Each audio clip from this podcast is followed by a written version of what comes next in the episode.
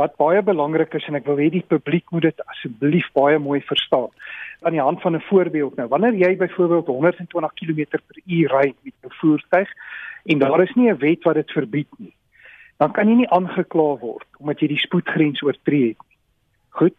Wanneer jy onteien word, moet daar 'n wet wees wat dit steun. En artikel 25 van die grondwet bepaal dan ook dat jy nie onteien mag word sonder dat daar 'n regsgeldige wet is of regsgeldige werking is nie. So jy kan nie arbitreër geskied nie, jy kan ook nie onteien word as daar nie 'n wet is wat dit steun nie. Nou die wet op die oomblik wat dit steun, enige onteiening is maar vir die doel waarvan ons nou praat is die 1975 onteieningswet soos gewysig. En daar was nou 'n latere wysiging, 'n voorgestelde wysiging van 2016 wat nou nog nooit gepromulgeer is nie. So die wetgewing wat op die oomblik uh, nog ter sprake is, het om nou te voldoen aan daai voorbeeld wat ek nou gegee het, is maar die 1975 onteieningswet wat geld. Nou hierdie wet moet dan ook in terme van die subsidiêre beginsel, die subsidiêre beginsel is maar ook vir doeleindes waarvan ons nou praat uh, van onteiening, dan moet enige eiendomswet, soos die, die onteieningswet moet dan voldoen aan artikel 25 wat nou die grondwet is wat handel oor eiendom en die beskerming van eiendom.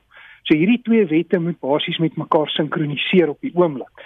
Nou wat jy moet verstaan is dat jy kan slegs onteien word in terme van die onteieningswet as dit in belang van die publiek is en as daar enige voordeel vir die publiek is.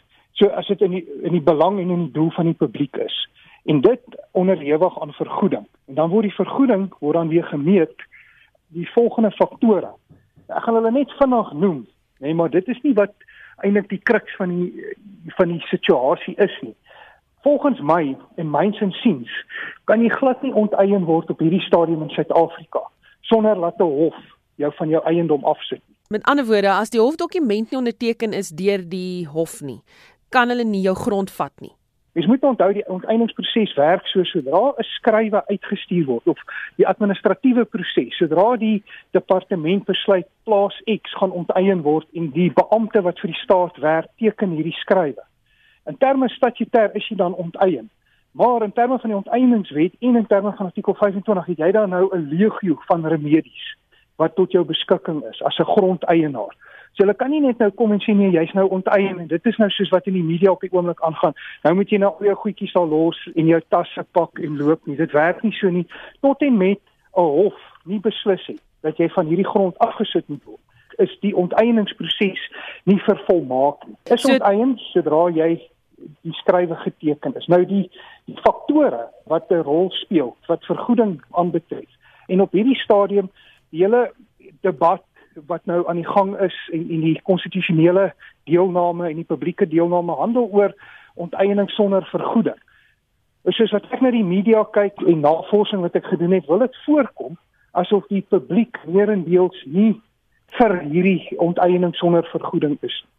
So dit wil vir my ook voorkom asof hierdie proses nie suksesvol gaan wees nie.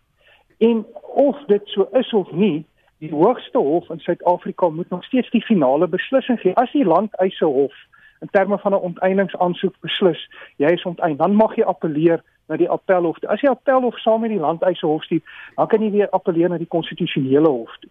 En hierdie proses, ek het al 'n vorige keer gesê, dit gaan ten minste 5 of 7 jaar neem om af te handel voordat die eerste saak getoets sal word. Sou hulle slaag met onteiening sonder vergoeding.